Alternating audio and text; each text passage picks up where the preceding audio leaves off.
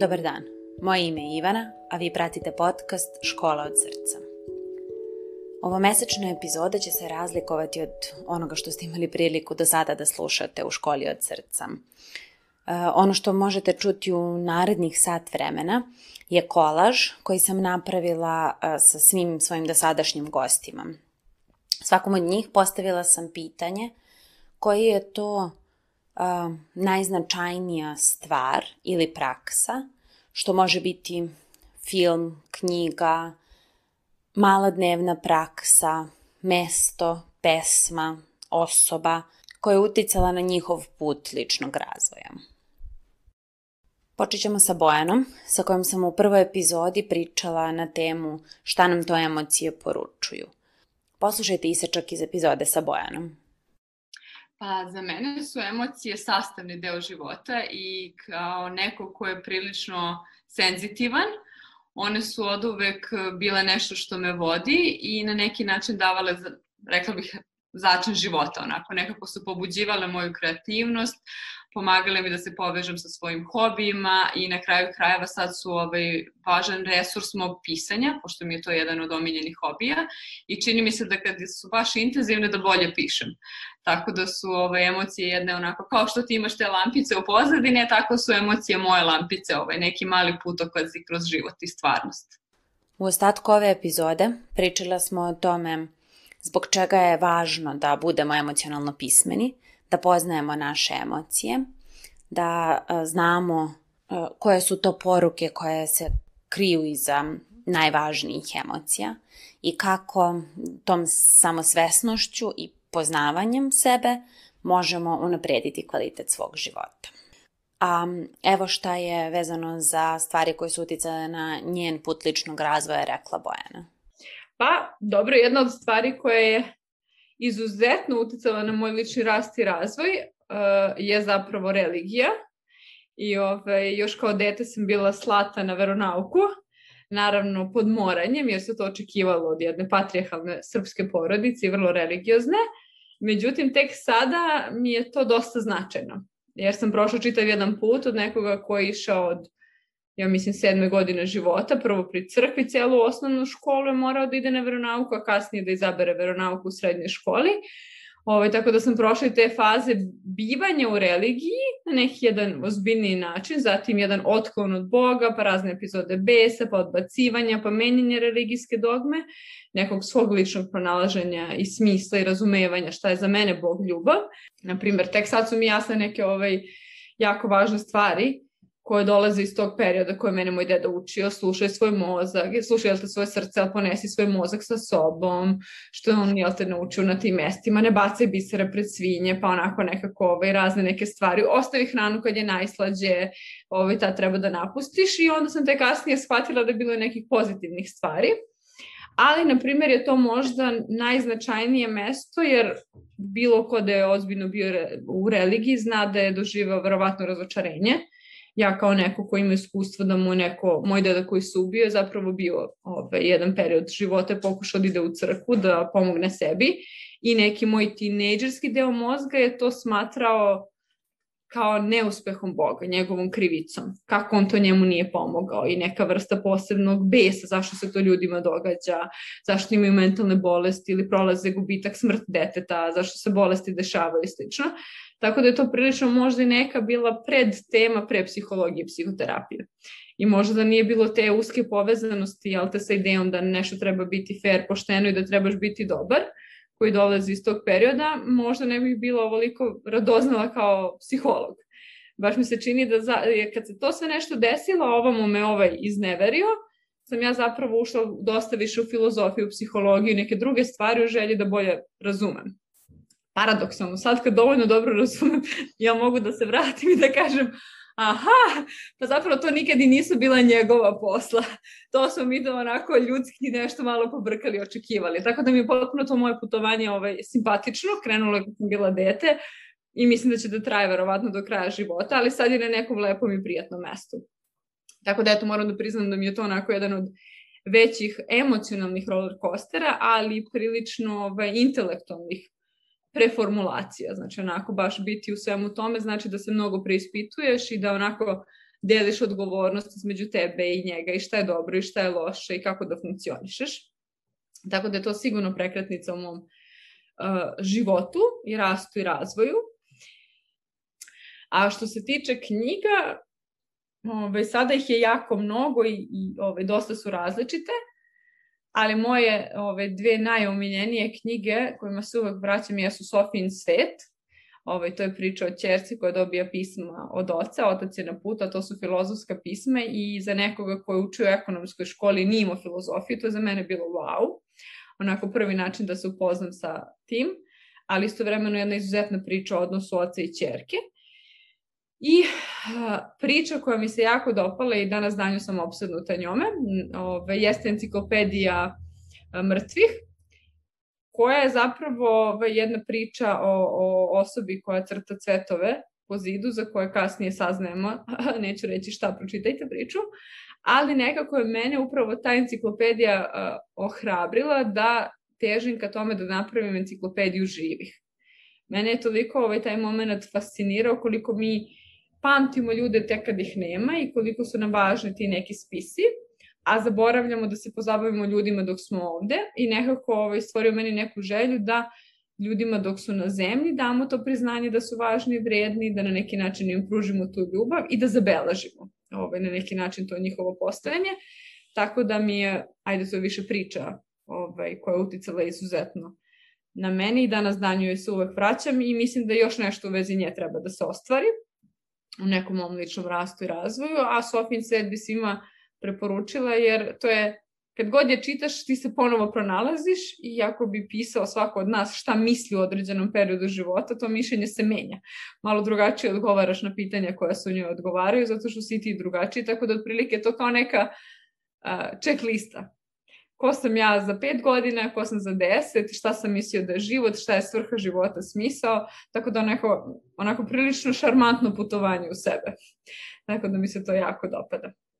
Nakon priče o emocijama, u drugoj epizodi usledila je priča o mentalnom zdravlju, u kojoj sam ugostila a, psihološkinju i autorku podcasta i radio emisije u raljama osjećanja, Đurđu Timotijević. Evo šta je na temu mentalnog zdravlja rekla Đurđa ako, ako mislimo da previše boli i da previše trpimo, sigurno smo u pravu. I to je nepogrešivo. Meni se nije desilo nikada da razgovaram sa nekim i da je neko došao ko se obratio meni za pomoć, a, a da zapravo to, um, za to nije postojao debeo razlog. Ako verujete da postoji problem, ako verujete da ne možete sami da ga prevaziđete, ako taj bol i ta patnja previše dugo traju, sigurno ste u pravu. Ostale teme kojih smo se dotakle tokom ove epizode su bile da li je priča o mentalnom zdravlju tabu tema, zbog čega trenutna pandemija koronavirusa tako utiče na naše mentalno zdravlje i na kraju naravno šta možemo uraditi da bismo svoje mentalno zdravlje unapredili. A svoje preporuke za stvari koje su njenom ličnom razvoju najviše doprinele, Đurđe rekla sledećem razmišljala sam šta da odgovorim na tvoje pitanje, vezala sam se za neku pop kulturu kroz filmove i serije i tri knjige sam izabrala. Sad jedna, ajde, o, o, ova prva jeste e, stručna, dolazi iz, iz psihologije, iz psihoterapije, to iz šematerapije i jeste nešto što bi bila knjiga za samopomoć, ali jedina koju bi ja preporučila, jedina koju sam ja pročitala da iza nje stojim da je, da je odlična i zasnovana na, na, na ozbiljnoj terapiji i praksi. Knjiga se zove Osmislite život iznova, to je tako je naslov prevoda, šema terapije u praksi kako prestati isputavajuće psihičke šeme. Autori su Young i Klosko i um, i prevod je izdao Centar za šemoterapiju Beograd, mislim da ga ima, da ima u svim knjižarama. Uh, E, druga knjiga se zove, uh, isto prevod, naslov prevoda je Budi tako kakva jesi. U originalu čini mi se Come as you are, Emily Nagoski. Uh, ja mislim, ona je sad već jako popularna, imate njene TED tokove, ima čak i svoj podcast sada. Uh, ona je psihološkinja, psihoterapeutkinja, ali posvećena ovaj, seksualnom obrazovanju i uh, psihoterapiji koja se tiče teme seksa i seksualnosti, posebno žena. I da ja ne bi pričala, evo pročitaću ovaj, šta, kritiku na, na pozadini e, knjige. e, temeljan prikaz e, prirode ženske seksualnosti i načina na koji ona funkcioniše, koji će vas naučiti kako da seksu pristupate samouvereno i sa radošću. I to je ono što je jako lepo, zato što seks stvarno jeste tema koja je često obojena stidom i sramom i, i problemima i nezadovoljstvom, a stvarno jeste mesto koje treba da nam donosi slobodu i radost. Najviše. Ne može uvek i ne može samo to, ali najviše to. Tako da, eto, Emily Nagoski bi bila moja preporuka. Ovaj, e, I treća knjiga bi bila e, Sreća, Nauka iza vašeg osmeha od Daniela Netla. Isto postoji prevod kod nas, izdaje Centar za promociju nauke. Ovo nije psihološka, uh, psihoterapeutska knjiga, nije knjiga za samopomoć. Ovo je uh, knjiga koja predstavlja šta su naučne istraživanja do sada, šta nam govore o sreći, o tome da li na sreću utiču više okolnosti ili ne, koliko zavisi od nas, od naših individualnih razlika i kako možda možemo tu našu sreću da povećamo. Uh, jako je lepa, napisana stvarno onako pametnim naučnim jezikom, ali pitka, duhovita, tako da onako možda sad baš za ove novogodišnje praznike idealno štivo. E, ajmo sad na, na ovaj, uh, film i serije. Znači, ovo sad nema veze sa psihologijom, ali opet, naravno, što ti kažeš lično i profesionalno, teško kad smo bavimo psihologijom i psihoterapijom da nam bilo šta lično nije profesionalno. Ovaj, da počnemo od serija. Uh, prva uh, je serija One Mississippi, to je e, a, zapravo autobiografska serija, znači snimljena je u velikoj meri na, na, na e, istinitim događajima. Autorka je Tig Notaro, koja jeste glavni lik u seriji, ona je komičarka i ona priča o svom životu, o svom odrastanju, o traumi koju je imala u detinstvu. E, ja nikada nisam gledala ništa što je tako toplo, bez trunke patetike priča o nekim jako teškim stvarima. I stvarno serija onako feel good serija, uh, duhovita je, priča o ozbiljnim životnim stvarima, um, a na jako lep, topo i nepretenciozan način. Tako da, eto, to bi možda bila prva preporuka. E, druga preporuka, serija Wanderlust, ona, ima, ona je Netflixova serija, ovaj, um, govori serija, glavni ženski lik je psihoterapeutkinja, zamislite, ovaj, e, zapravo serija govori o tome, to je jedan bračni par, e, znači u, u sedištu je priča jednog bračnog para koji su nekih 50-ih, 60-ih godina, e, koji upadaju u, u krizu u svom seksualnom životu, pa onda jeli nekako i u, i u, u krizu njihovog celog odnosa i kako oni iz toga pokušavaju da izađu, a zapravo najviše se bavi, eto, iz mog ugla, temom uh, našeg istraživanja, naše žudnje, Wanderlust, žudnje za nekim novim iskustvima i zapravo tog pitanja ima li negde tamo nešto bolje za mene i nekako se dotiče tog pitanja šta je do nas, a šta je ono što mislimo da će se premeniti možda ukoliko promenimo partnera, imamo nova seksualna iskustva i ostalo. Ovaj, I film, film je stari i uh, neću ga uopšte posebno reklamirati, Little Miss Sunshine, to je meni jedan od onako najtoplijih, nežnijih filmova koji meni greje srce. E, I film koji meni na najlepši način prikazuje um, ono najbolje iz porodice, to je lepotu i snagu porodice i bliskih porodičnih odnosa i ljubavi tog doživljaja pripadanja porodici. Uh, I, stvarno, I da, mislim da je nekako to film za dobro raspoloženje, ako ništa drugo. Priča koja je sledila priča o mentalnom zdravlju je bila jedna specifičnija tema, a to je povezanost osjećanja i hrane. E, na tu temu sam pričala sa psihološkinjom Borjanom Vorkapić, koja se u svojoj praksi između ostalog a, i bavi emocionalnim prejedanjem. A, poslušajte šta je Borjana rekla o ovoj temi. Vola bi ovde da kažem jednu važnu stvar koju naravno nisam rekla jer ne mogu sve, a to je mi propuštamo da zadovoljimo svoje prave potrebe I to je ključna stvar ovde. Sad sam se setila, ovaj, dok si govorila ovo pitanje, shvatila sam e, da to nisam rekla. Dakle, ako sam ja tužna i meni treba da propustim tugu, meni treba zagrljaj, meni treba kontakt, a ja umesto toga dođem u kontakt sa tortom, ja nikada neću zadovoljiti svoje stvarne potrebe i ta rupa iznutra postaje samo veća i veća i veća i što je manji kontakt, sve su veće te potrebe koje ja ne razumem i ne osjećam. Tako da mislim da je ovo u stvari nekako možda i najvažnije da slušalci negde čuju. Dakle, iako nas bilo koji mehanizam, pa i hrana, u trenutku zadovolji. To nije pravo zadovoljenje, to je privid zadovoljenja, to je iluzija zadovoljenja, to je umesto onoga što nama zapravo treba. I mi ostajemo suštinski nezadovoljeni, nego primireni. To je bukvalno e, na nivou da popijemo bensetin. U ovoj epizodi ste takođe mogli da čujete šta je to emocionalna glad i o čemu se ona razlikuje od ove fiziološke gladi, kao i koje sve to potrebe mi zadovoljavamo time što konzumiramo hranu. A sada ćemo poslušati Borjanine preporuke. Ok, kada bih ja baš lično razmišljala, ono što meni pada prvo na pamet je knjiga koja je obeležila moju 2020. godinu i koja je mene povela na jednogodišnje putovanje ovaj, na kome se i dalje nalazim, a to je knjiga Žene koje trče s vukovima.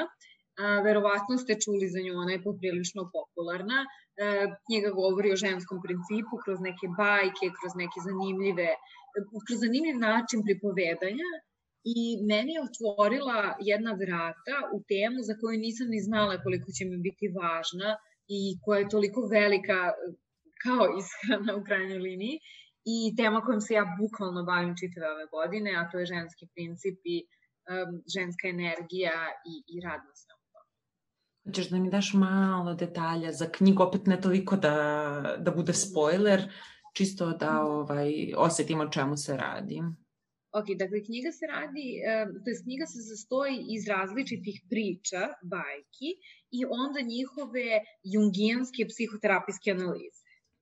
I uh, bavi se bukvalno ženskim principom. Dakle, kroz priče o ženama, o ženskoj mudrosti, o intuiciji, o tome šta zapravo čini taj ženski princip, šta čini ženstvenost, um, kroz te priče se otkrivaju detalji toga i delovi toga. I prosto se bukvalno rascvetava jedna ruža ženskosti od prve knjige, do, od prve priče do poslednje i važne i duboke interesantne teme se uh, otvaraju, priča se o arhetipovima, o raznim nekim simbolima, o nekim, po mom mišljenju, sada malo izgubljenim i zaboravljenim znanjima, I prosto, um, ono što je interesantno je što je spisateljica, koja se sad, htela bi da kažem njeno ime, ali pošto je na španskom, ne bih, ko zna kako će izgovoriti, ali um, ona je između ostalog isceliteljski pripovedač, znači osim što je jungijanski psihoterapeut, ona je um, naučena da kroz priču isceljuje. I to se zaista osjeća kroz čitavu tu knjigu. Dakle,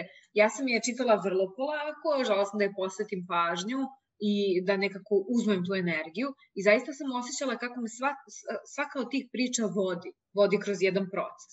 I nekako sam dozvolila da se taj proces odvija kroz mene i kada sam završila knjigu, a, otvorila su mi se jedna ogromna vrata i ja sam čitavu godinu posvetila tome da kroz ta vrata prođem i da istražim a, šta se to sve nalazi.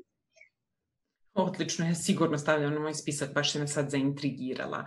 A, sad, razumela sam te da je žena, jel, psihološkinja mm. i, i, i onda bi možda se preklopio odgovor ovaj koji je iz ličnog ugla i ovaj koji ću te sada pitati, a to je ako bih te pitala za preporuku neke uh, knjige koja je stručna literatura, opet pod navodnicima, ne mora naravno biti učbenik školski, ali nešto što je neka literatura uh, psihološkog tipa, evo za ljude koji žele da se malo više bave sobom, da, da se posvete radu na sebi, koja bi to preporuka bila?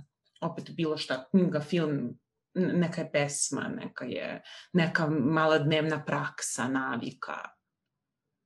Ne znam odakle bi počela. pa, ajde da počnemo od male dnevne prakse. E, mislim da svako ko želi da se bavi sobom, bi mogao da uvrsti u svakodnevnu praksu 2-3 minuta za sebe i to je jedan baš kratak vremenski period koji verujem da svako od nas može da izdvoji skoro svakoga dana. A, dakle, neki period od 3 minuta kada bi redovno e, i svesno pravili kontakt sa sobom. Što znači da u ta 3 minuta možemo samo disati i to je nekada i najbolja praksa. Dakle, biti sa sobom, svoje prisustvo sebi pružiti to mogu biti neke specifične vrste disanja, pranajame i tako dalje, ko se sad istražuje i bavi time.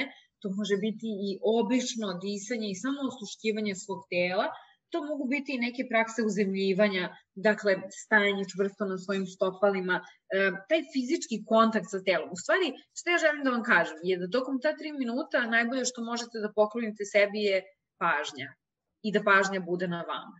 I to je dnevna praksa koja mi onako prva pada na pamet i koja nekako i zaista može svako, koja ne iziskuje nikakvo specijalno znanje, nikakvo specijalno vreme, niti bilo šta, a zaista može da bude lekovita.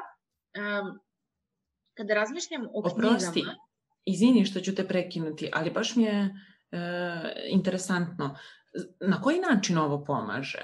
Zbog čega je tako, ja, tako važno biti u kontaktu sa sobom i usmeriti tu pažnju na sebi? Uh, na sebe. pa više struko. Zato što to je ta, to vreme i to je taj prostor koji je potreban našem unutrašnjem svetu da bude viđen. Jer ovo što smo malo prepričali o hrani, o svim tim temama, to je sve suprotno od kontakta sa sobom. A ovo je kontakt sa sobom u malim dozama, kontrolisan, koji nam onako dozvoljava da malo upoznamo sebe, da osetimo sebe.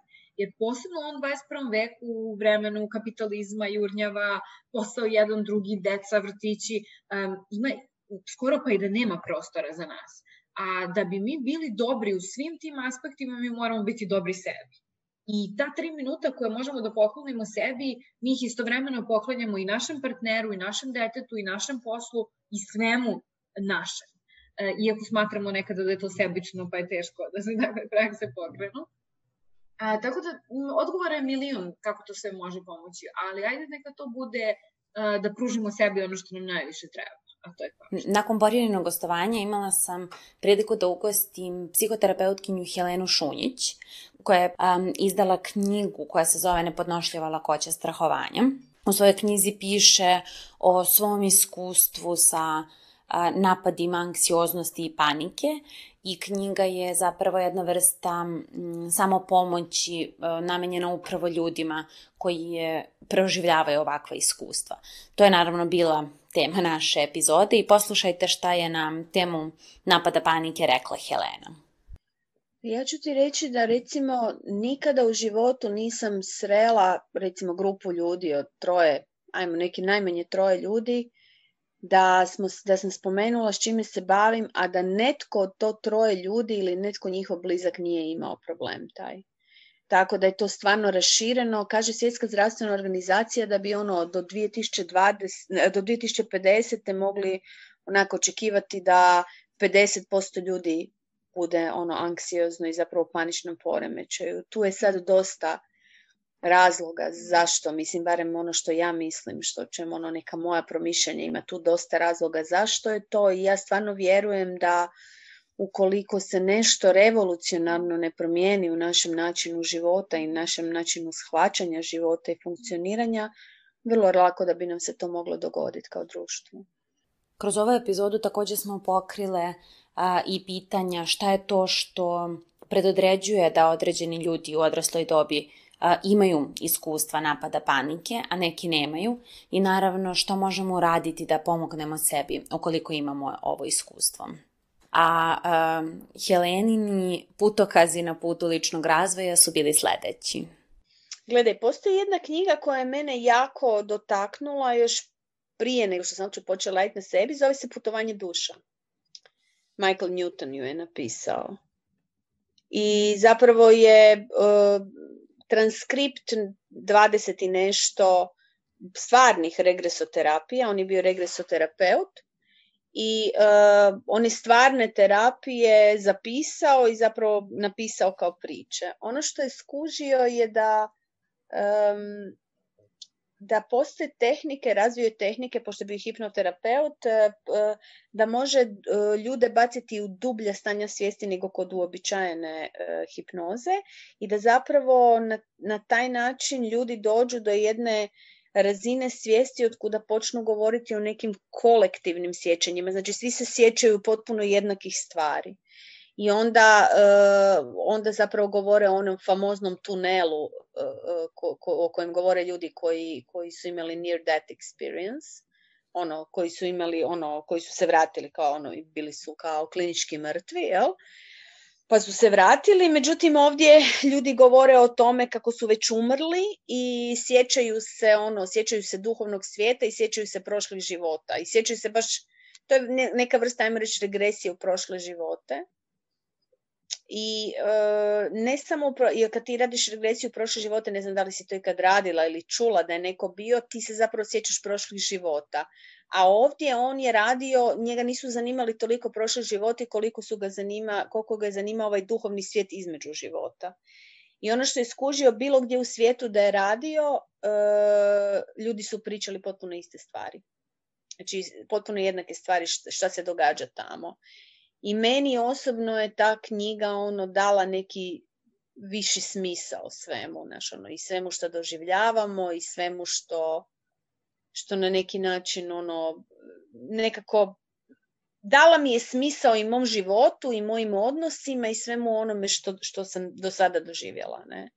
Ono, nekako mi je, postale su mi neke stvari jasne i dan dok sam ju čitala, to je bilo stvarno davno, ono, pa ima sigurno 15 godina tome, ono, dok sam ju čitala, baš sam ju onako osjećala u sebi kao istinu. Znaš, kao da nije nešto što je napisano Jer mi možemo sad vjerovati, neko je odgojen u kršćanstvu, evo ja sam recimo odgojena u kršćanstvu, pa onda postoji raj pakao i čistilište. Ne?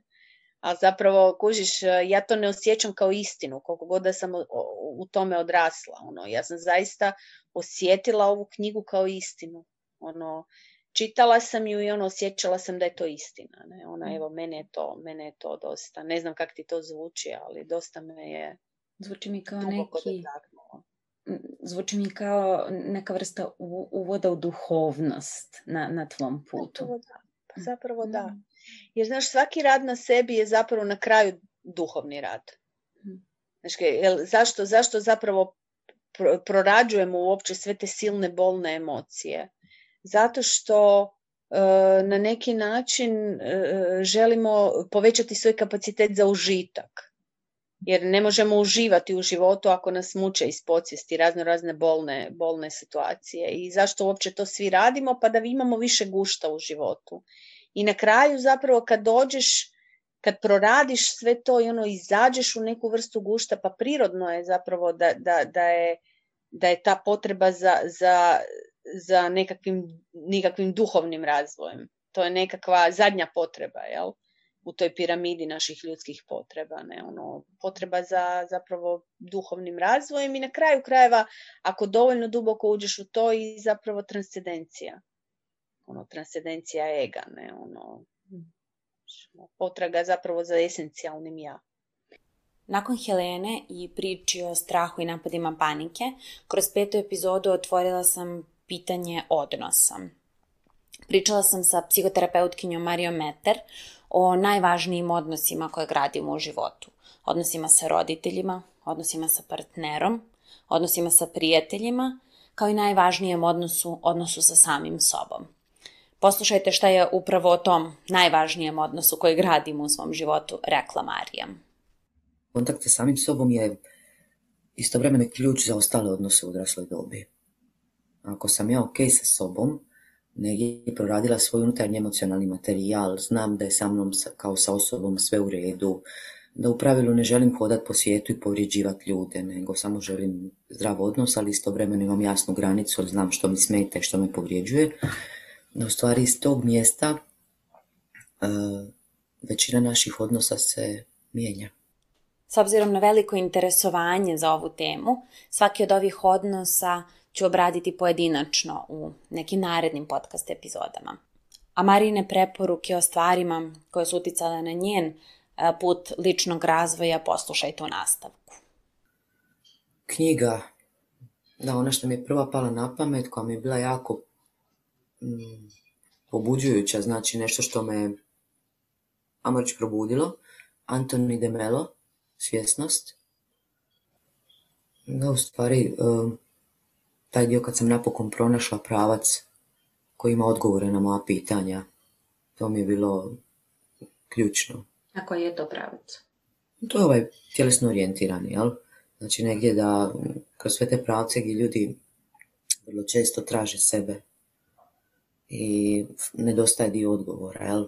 Dobiješ nešto, ali ne dobiješ sve do kraja. Negdje u stvari kroz psihoterapiju sam našla odgovore i da dan danas se čudim tome, još uvijek učim. Stalno sam na nekim novim edukacijama, znanost napreduje, snimke mozga potvrđuju sve ono što radimo. Tako da meni to i dan danas me ispunjava i vodi me naprijed. A šta je ono što ti je u baš tom pravcu telesnom uh, dalo taj osjećaj kompletnosti, zaokruženosti pravca? Točno, taj tjelesni dio koji negdje se prije stalno mimo ilazio. Bez kojeg, nažalost, ne može i u stvari sve veća svijest o tome koliko je toliko jednostavno, koliko je komplicirano, odnosno ne bih rekla komplicirano, nego slojevito i prožeto sa puno svega, ali u stvari je u konačnici jednostavno. Hmm. Hajde mi daj par rečenica o tome šta je zapravo telesni pravac. Pa,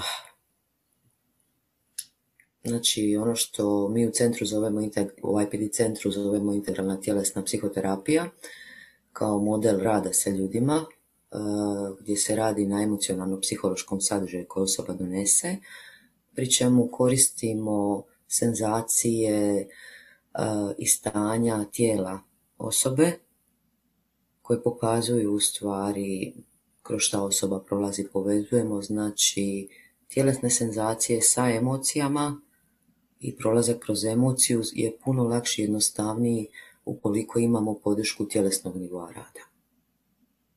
Ajmo to tako nazvati.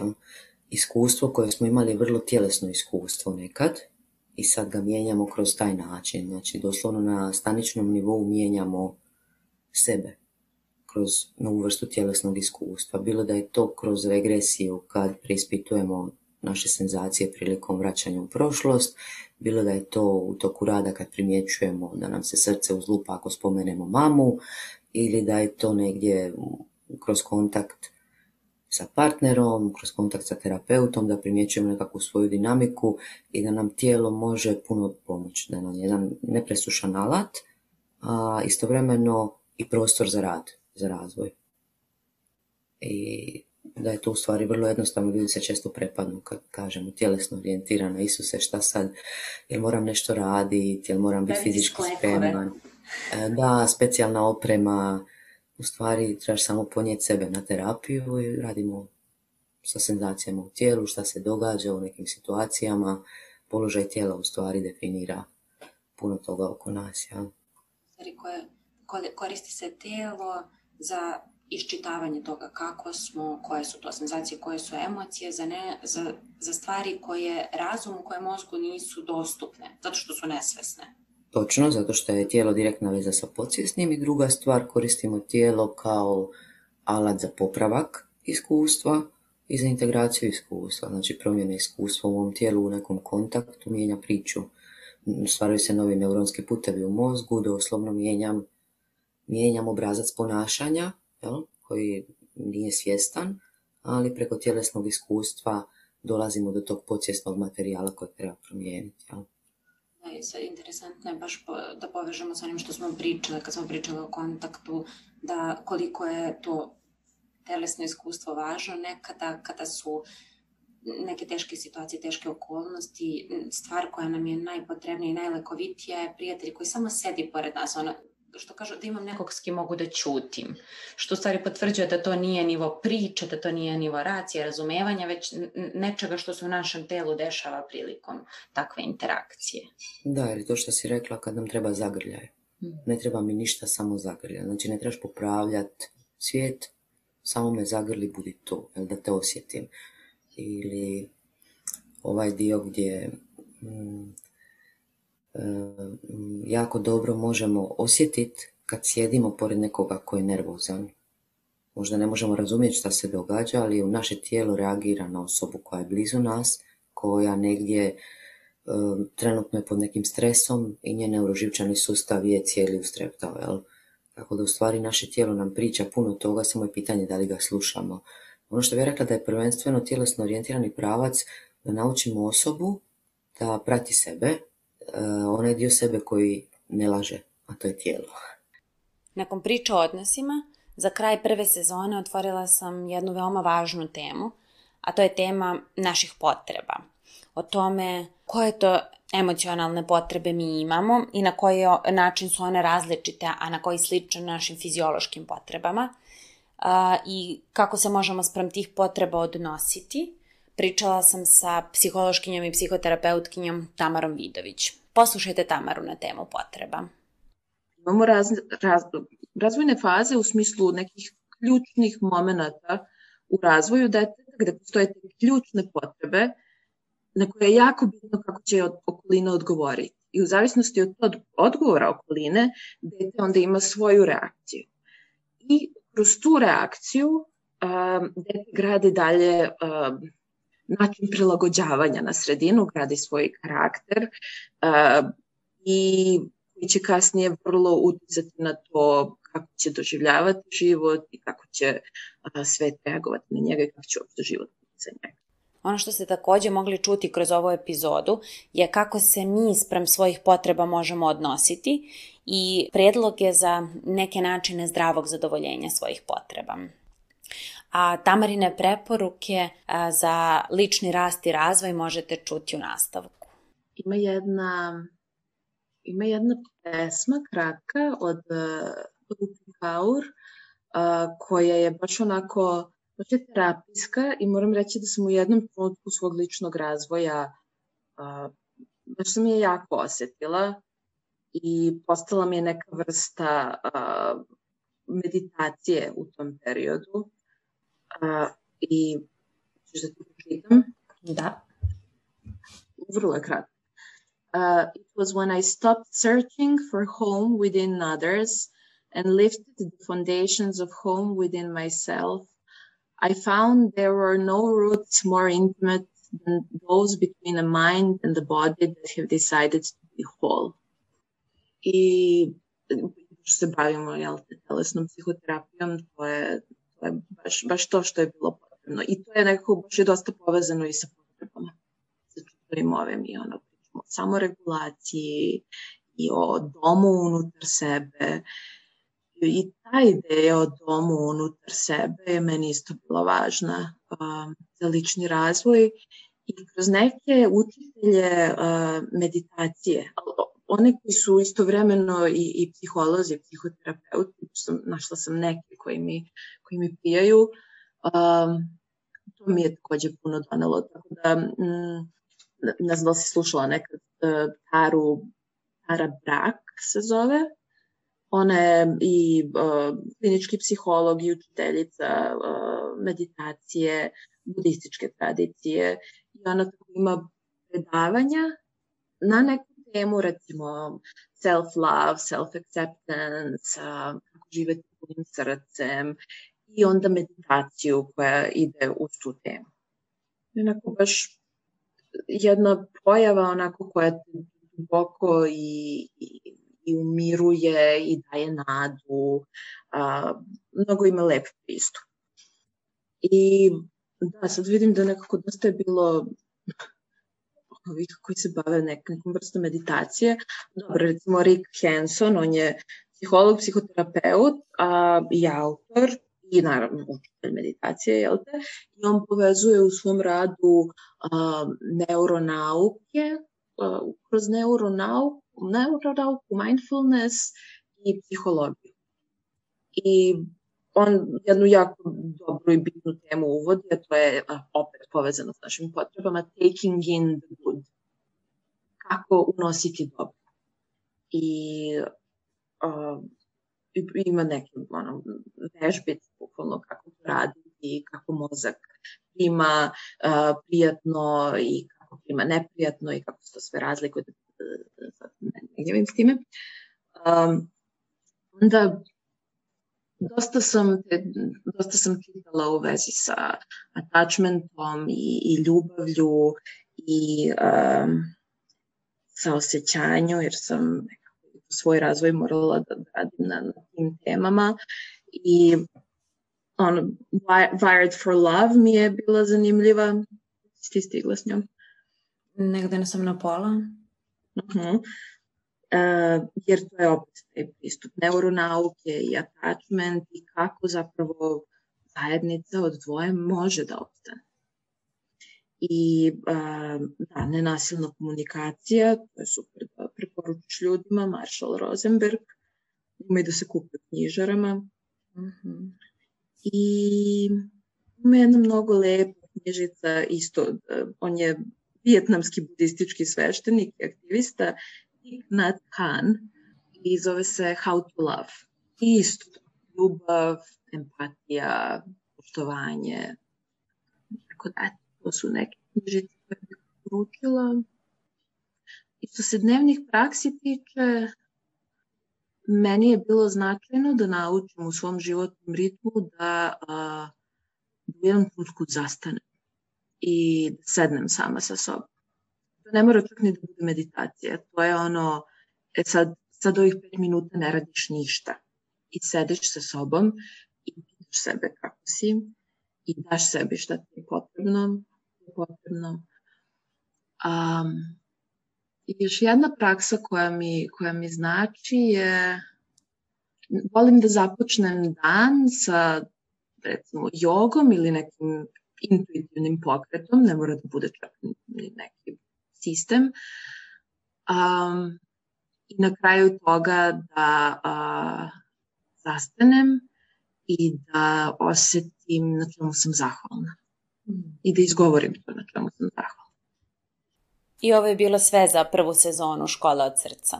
Nadam se da su vam preporuke mojih gostiju bile korisne onoliko koliko i meni i da isto to važi za sve dosadašnje epizode. Prvu epizodu druge sezone možete očekivati u oktobru. Moje ime je Ivana, a vi ste slušali Školu od srca. Doviđenja.